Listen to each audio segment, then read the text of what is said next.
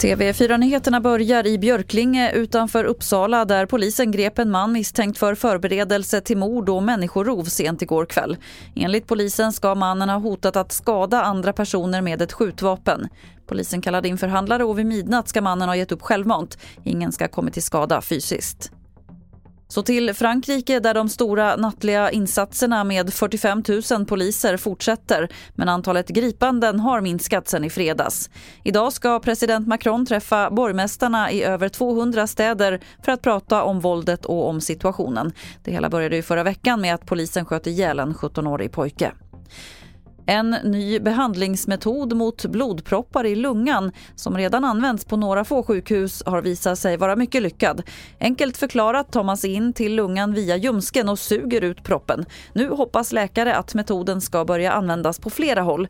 Fadi Yokai är överläkare på hjärtkliniken på Danderyds sjukhus.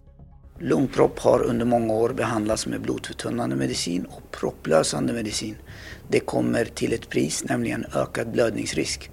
Idag har vi det här ingreppet ehm, och det kan vi erbjuda till patienter som redan innan de får sin propp har ökad blödningsrisk och är därmed diskvalificerade för blodförtunning. Så nu har vi ett alternativ för dem.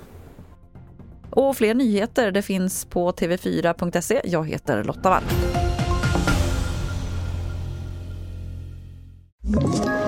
Ett poddtips från Podplay.